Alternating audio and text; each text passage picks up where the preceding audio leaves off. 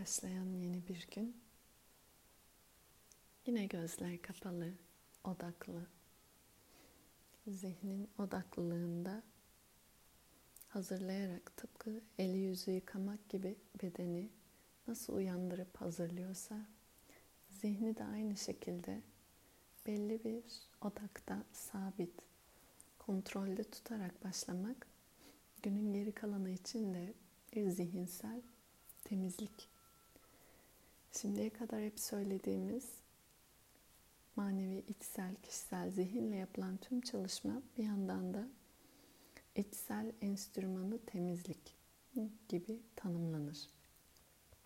Bu iç enstrüman tüm duygu, düşüncelerle beraber aslında dış dünya ile kurduğumuz ilişkiyi belirleyen zihin. O yüzden de zihin üzerinde yapılan emek dünya ile kurulan ilişki etkileşimi değiştiren, dolayısıyla bunun aslında deneyimini de değiştirmek, bunun için de emek. Bu en başından beri tekrarladıklarımız da bu yüzden bir emek verilecekse nesneye değil, aynadaki görüntüye değil, o aynaya bakan gözü değiştirmeli kişi. Aynada gördüğü ne varsa aslında o gözle ortaya çıktığı için aynanın üzerine sildiğimizde ise aslında yansıma üzerinde ki kendisi bir nesne olmayan aslında aynadaki yansıma silmeye çalıştığınızda ona hiçbir şey yapamazsınız, değişmez. Benzer biçimde de aslında aynanın üzerine silmeye çalışma gibi dışarıdaki dünya üzerine bir değişim yaratma adına nesne odaklı yani dışarıda gördüğüm birileri bir şey üzerine bir değişim yaratma çabası. Bu yüzden kişisel çalışma daha derininde eğer bir değişim, görüntüde bir değişim istiyorsa kişinin görüntü üzerinde değil, göz üzerinde değişim yaratmasını hatırlatıyor. Çünkü o bakan gözle o görüntü, o yansıma ortaya çıkıyor. Aynanın önüne gidip baktığımda aslında bu yüz, bakan bu yüzle nasıl oraya sebep oluyorsa o görüntüye orada gördüğüm bir diyelim ki gözümdeki çapak, yüzümdeki ya da bir e, iz onu değiştirmek için ayna ekranı değil, yüzümü nasıl siliyorsam aynı benzerlikte de herhangi bir deneyim, herhangi bir görüntü varsa insanın önce kendi bakışına, gözüne, o deneyime yani zihne geri çekilmesi, onu tekrar izlemesi ve mümkünse yeniden bu gözlemle yapılandırması. Bu da şu ana kadar yaptığımız o uzun sessizliklerde saklı meditasyon dediğimiz tüm o çalışmalar zihin üzerinde dikkat, gözlem, kendinle başlayarak sonra geri kalan deneyim. Çünkü birazdan güneş doğacak ve dış dünyaya başladığında arka arkaya onlarca deneyim. Öncesinde ise o görene tekrar çekilip tekrar bir akort ederek, bir nevi temizleyerek hazırlık. Bu uygulamaların özellikle bu kısmı çok önemli. Çünkü bir günlük herhangi bir zaman dilimlik değil. Bu yaşam olduğu sürece, zihin olduğu sürece bu bedende devam edecek bir şey. Tıpkı yaşam olduğu sürece, beden olduğu sürece burada el yüz yıkamaya hep devam edeceğim gibi, banyo yapmaya devam edeceğim gibi ne zaman banyo yapmayı bırakırım diye bir soruyu ancak bu beden bittiğinde olabilir. Çünkü beden olduğu sürece yıkanmaya, çünkü dışarıdan kirlenmeye açık. Benzer şekilde de bu bedende bu algı yani zihin, bu yaşam deneyimleyeni olduğu sürece onun üzerine de aynı şekilde kontrollü, dikkatle, özenle temizlik zorunlu. Yani sonuç ölene kadar. Bu uygulamaların hepsi aslında bir sürekli denge halinde kalabilme arayışı için. Tüm bu dalgalarla uyumsuzluk veya çatışma ya da iç çelişki yaratabilecek diyelim ki durumlarda. Nitekim dengede kalmak çok büyük enerji, çok büyük aslında çaba gerektirir. Bir ipin üzerinde dengede durduğunuzu ya da incecik böyle dar bir alanda dengede durmaya çalıştığınızı düşünün. Orada muazzam enerji aslında verirsiniz. E, sabit öylesi duruş dış kuvvetlerin etkenlerin sürekli bir sağa bir sola çevirmeye meylettiği bir alanda çok daha fazla enerji talep eder. Bu yüzden de aslında eğer dengede, sabitlikte bir hayat, yaşam varsa bu zaman, mekan, süre gelişinde bu aslında bir başarı ve sadana manevi çalışma buna yardımcı olur. Yoksa hayat hep konuştuğumuz gibi her an bir yerden gelen bir kuvvetle dalgalandırmaya, sarsmaya, ya sağa ya sola düşürmeye açık. Bu bedenden gelen bir değişim elbette ki bedenle beraber dışarıda havadan gelen bir değişim bile olabilir. Bir hava durumu değişikliği bile ki bu ikisine kalmadan dünyada olup biten onlarca şey. Bu yüzden de hep şanti, şanti, şanti diye bitiyor her yani sohbet. Tüm bu değişkenler içerisinde bu kuvvetler sarsmaya, devirmeye, sallamaya açıkken verdiğin çaba şu anda burada. Gözlerin kapalı sessizlikte 20-25 dakika. Ya da her ne yapıyorsan okuduğun kitap, okuduğumuz şu an Bhagavad Gita'ydı ilham olsun diye. Birincisi bu beden, bu zihinle beraber dengeyi, uyumu kaybetmeyeyim. Birinci şanti. İkincisi tüm dışarıdan gelen canlılarla beraber etkileşim. Herhangi bir canlı, bir köpek de ısırabilir. Birisi bir tokat da atabilir. Bütün bu canlılarla beraber dışarıdaki yine içsel o uyum ve dengeyi kaybetmeyeyim. İkinci şanti. Üçüncüsü ise bu gezegen her an yine bu dengeyi bozmak adına da bir etki getirebilir. Bir deprem, bir yangın, bir pandemi. Dolayısıyla bu içsel olarak da gezegenin bu büyük, daha kontrol dışı olan kuvvetleri ile de iç şanti, o uyumu, dengeyi yine de koruyabileyim. Bu üç katmanda dolayısıyla o kadar kolay değil, bu kadar değişkenin içerisinde sabit kalabilmek. Yani denge dediğimiz o hal. Ama bunun için nasıl o ipin üzerinde dururken bir çaba varsa enerji, içsel olarak da kişinin her nefesinin, her alıp verdiği o canın farkındalığında, tüm etkileşimin farkındalığında böylesi bir emek, böylesi bir enerji harcaması da iç dengesi için bunun ismi zaten şu an burada buluşmamızın sebebi. Sadana, manevi kişisel çalışma. O merkez kaybolduğu zaman rüzgar herhangi bir yere çok kolaylıkla savurabilir. Bunun için de o düzenli istikrar, önemli olan o istikrar kelimesi tekrarı bırakmamalı.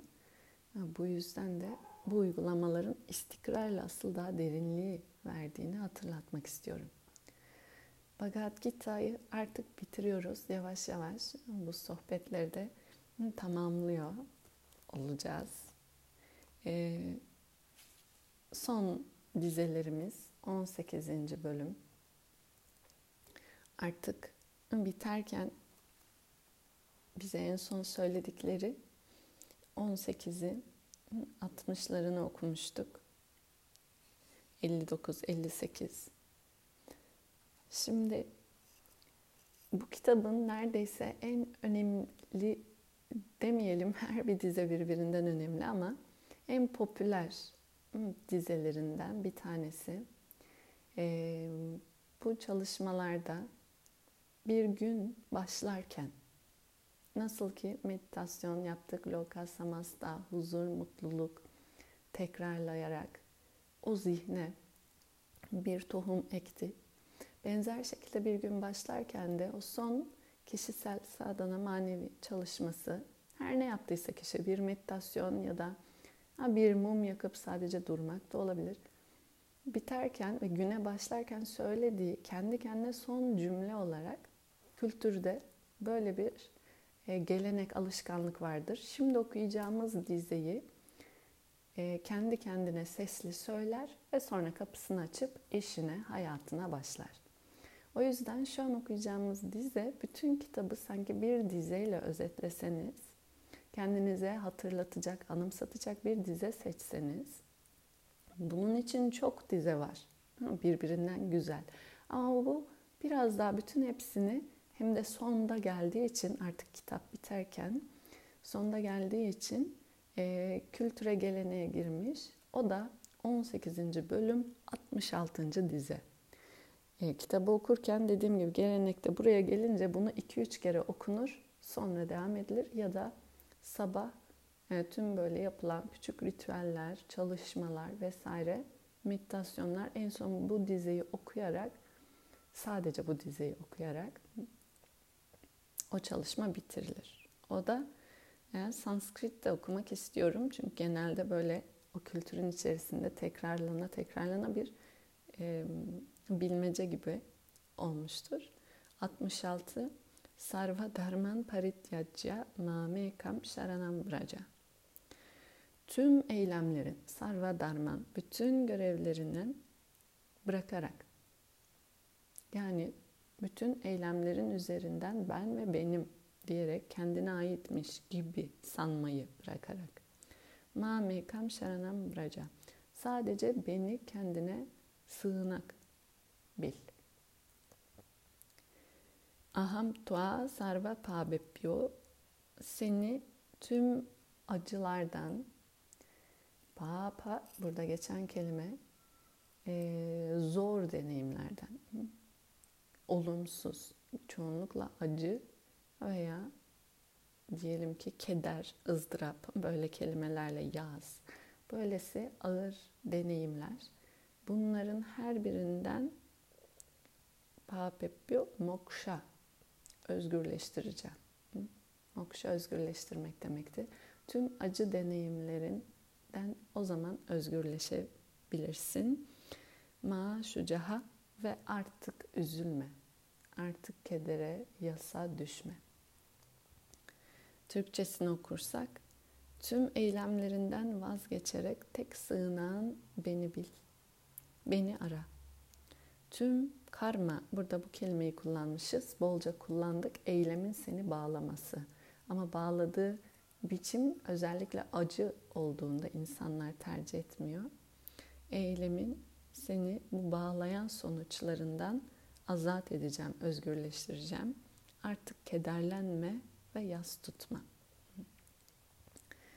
Bunu sık tekrar tekrar söylenmesinin sebebi burada en sonda söylenen aslında sondan geri başa gidersek kederlenme yas tutma diye başlıyor. İnsanın dedik ki arayışı, herhangi bir cevap bulması ya da eylemlerin hepsi yaptığı en temelde acıdan çıkmak için.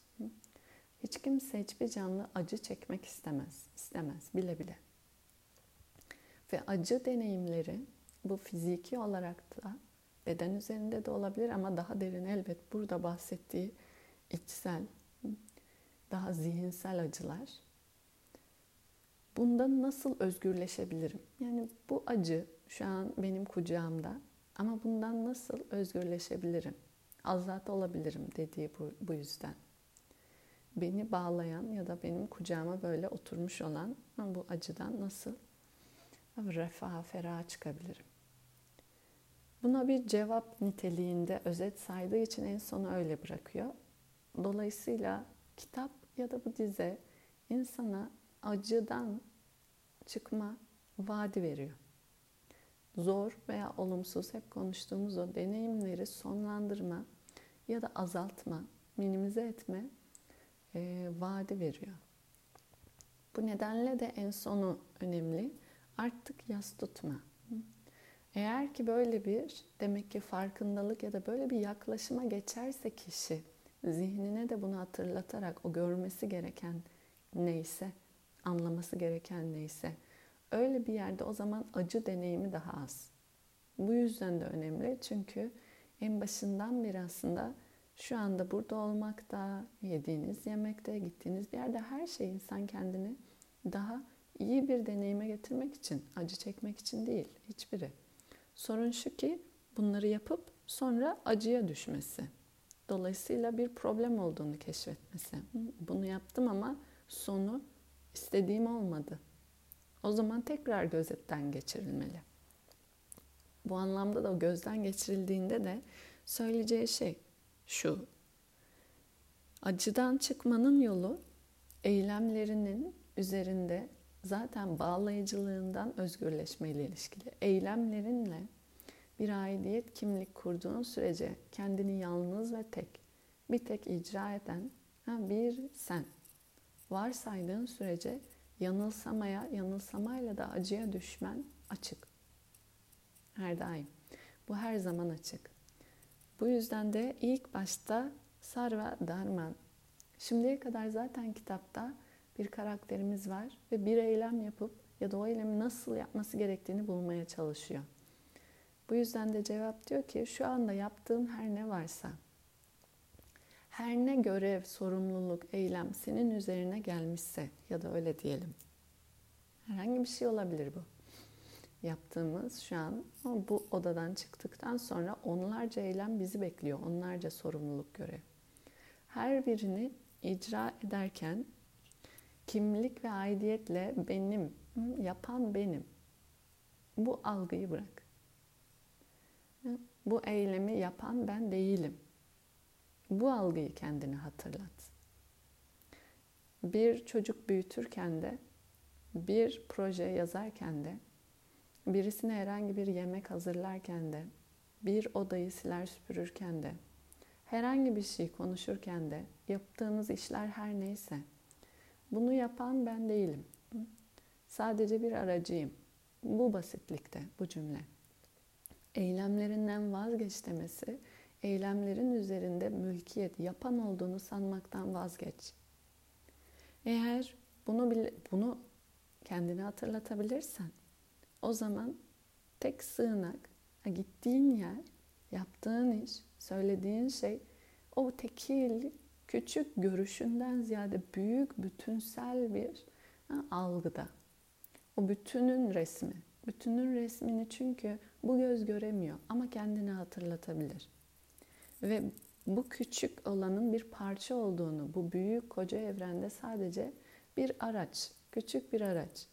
Ve bir eylem burada değil, tek büyük bir eylem var. O da bütün evrende olan o kozmik diyelim ki kuvvet ya da irade her neyse o eylem.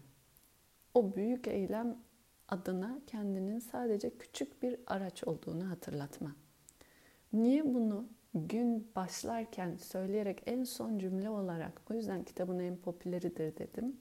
Kendinize her sabah yaptığınız bu sessizlikte gözleriniz kapatılı ee, bekledikten sonra Gözünüzü açtığınızda kapıdan çıkmadan önce dışarıdaki dünyaya şunu diyorsunuz. Her sabah yaptığım hiçbir eylem benim değil.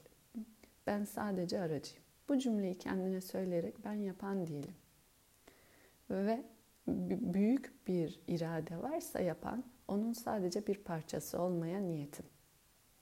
Ve bu farkındalığı da hiç unutturmamak kendime, zihnime. Bunu söyleyerek çıkarsanız o zaman o gün olan biten her durum, her eylem başka olur. Verdiğiniz cevap da başka olur elbette.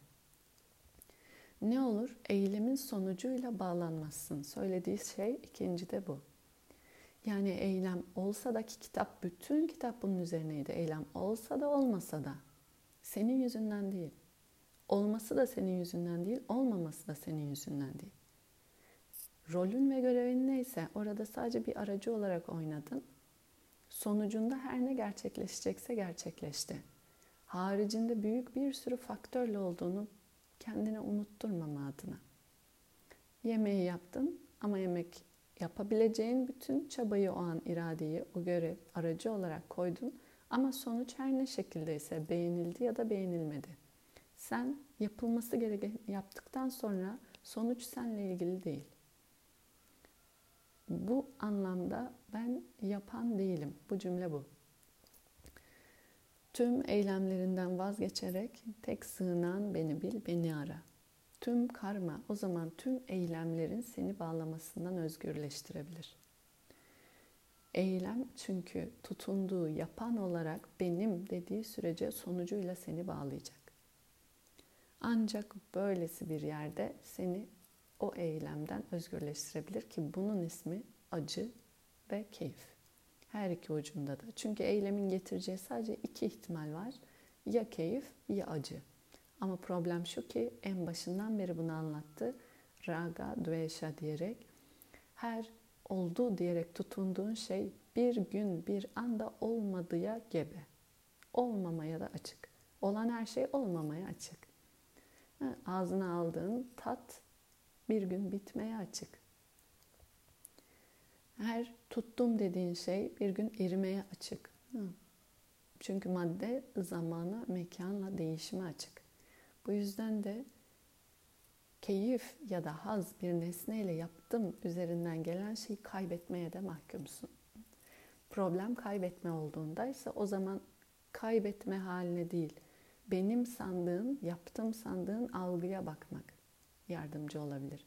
Çünkü oradaki o iyilik diyelim, aidiyet zaten bütün bu iki kardeşi de oldu ile beraber olmadı getiren.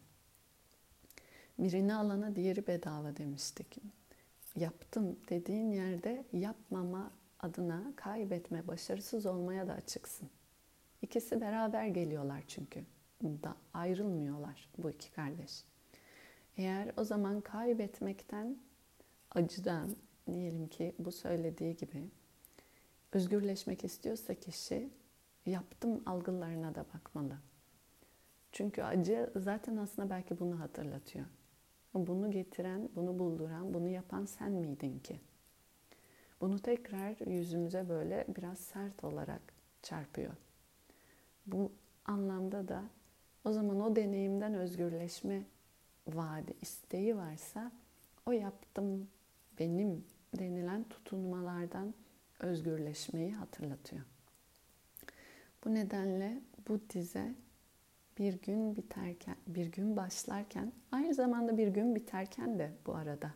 Çünkü gün biterken de o günü kapatırken sessizlik, meditasyon ve kendinize uyumadan önce söylediğiniz bir cümle. Çünkü o günü artık tamamladınız. Yastığa başını koyduğunda diye bir tabir vardır. O bütün gün arkanda kaldığında kendine yine söyleyeceğin bu olabilir. Nitekim yoga kültüründe o yüzden bir meditasyonla başlar gün ve bir meditasyonla biter ve meditasyonlar başladıktan sonra da bittikten sonra da en son dize bu söylenir. Ve sonra sessizlikle uykuya geçilir ya da eyleme, harekete gün başlayarak. O cümlede bu. Bütün eylemlerini tutunmayı ben ve benim diyerek bırak ve tek sığınak beni bil. Tüm eylemlerden, seni bağlayan sonuçlardan özgürleştireceğim. Artık yas tutma, üzülme. Üzülecek bir şey kalmayacak. Eğer böyle olursa. Bu yüzden büyük, vurucu bir dizi. Bütün kitap adına da. Bitirirken ben bunu orijinal biçimiyle bu sefer okum, okumak istiyorum. Bhagavad Gita'nın okuma bir melodisi var. Sanskriti. Bir mantra gibi.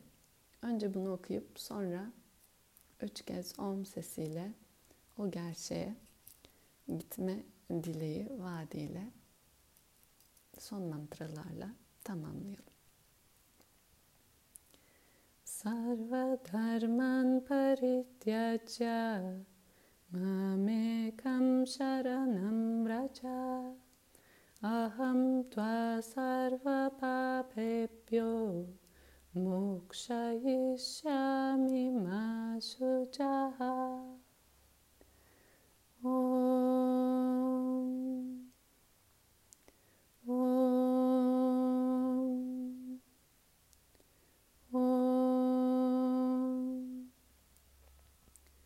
सत्सोम सत्कमया तमसोमा ज्योतिर्कमया मृत्योर्मामृताङ्गमया ॐ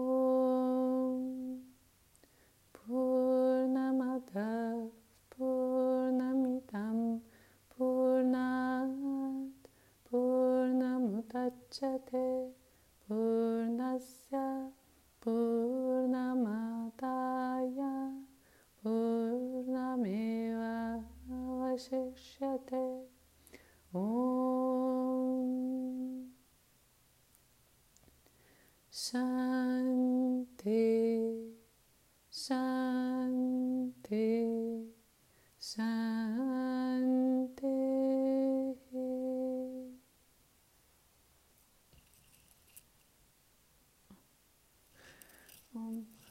Teşekkür ederim.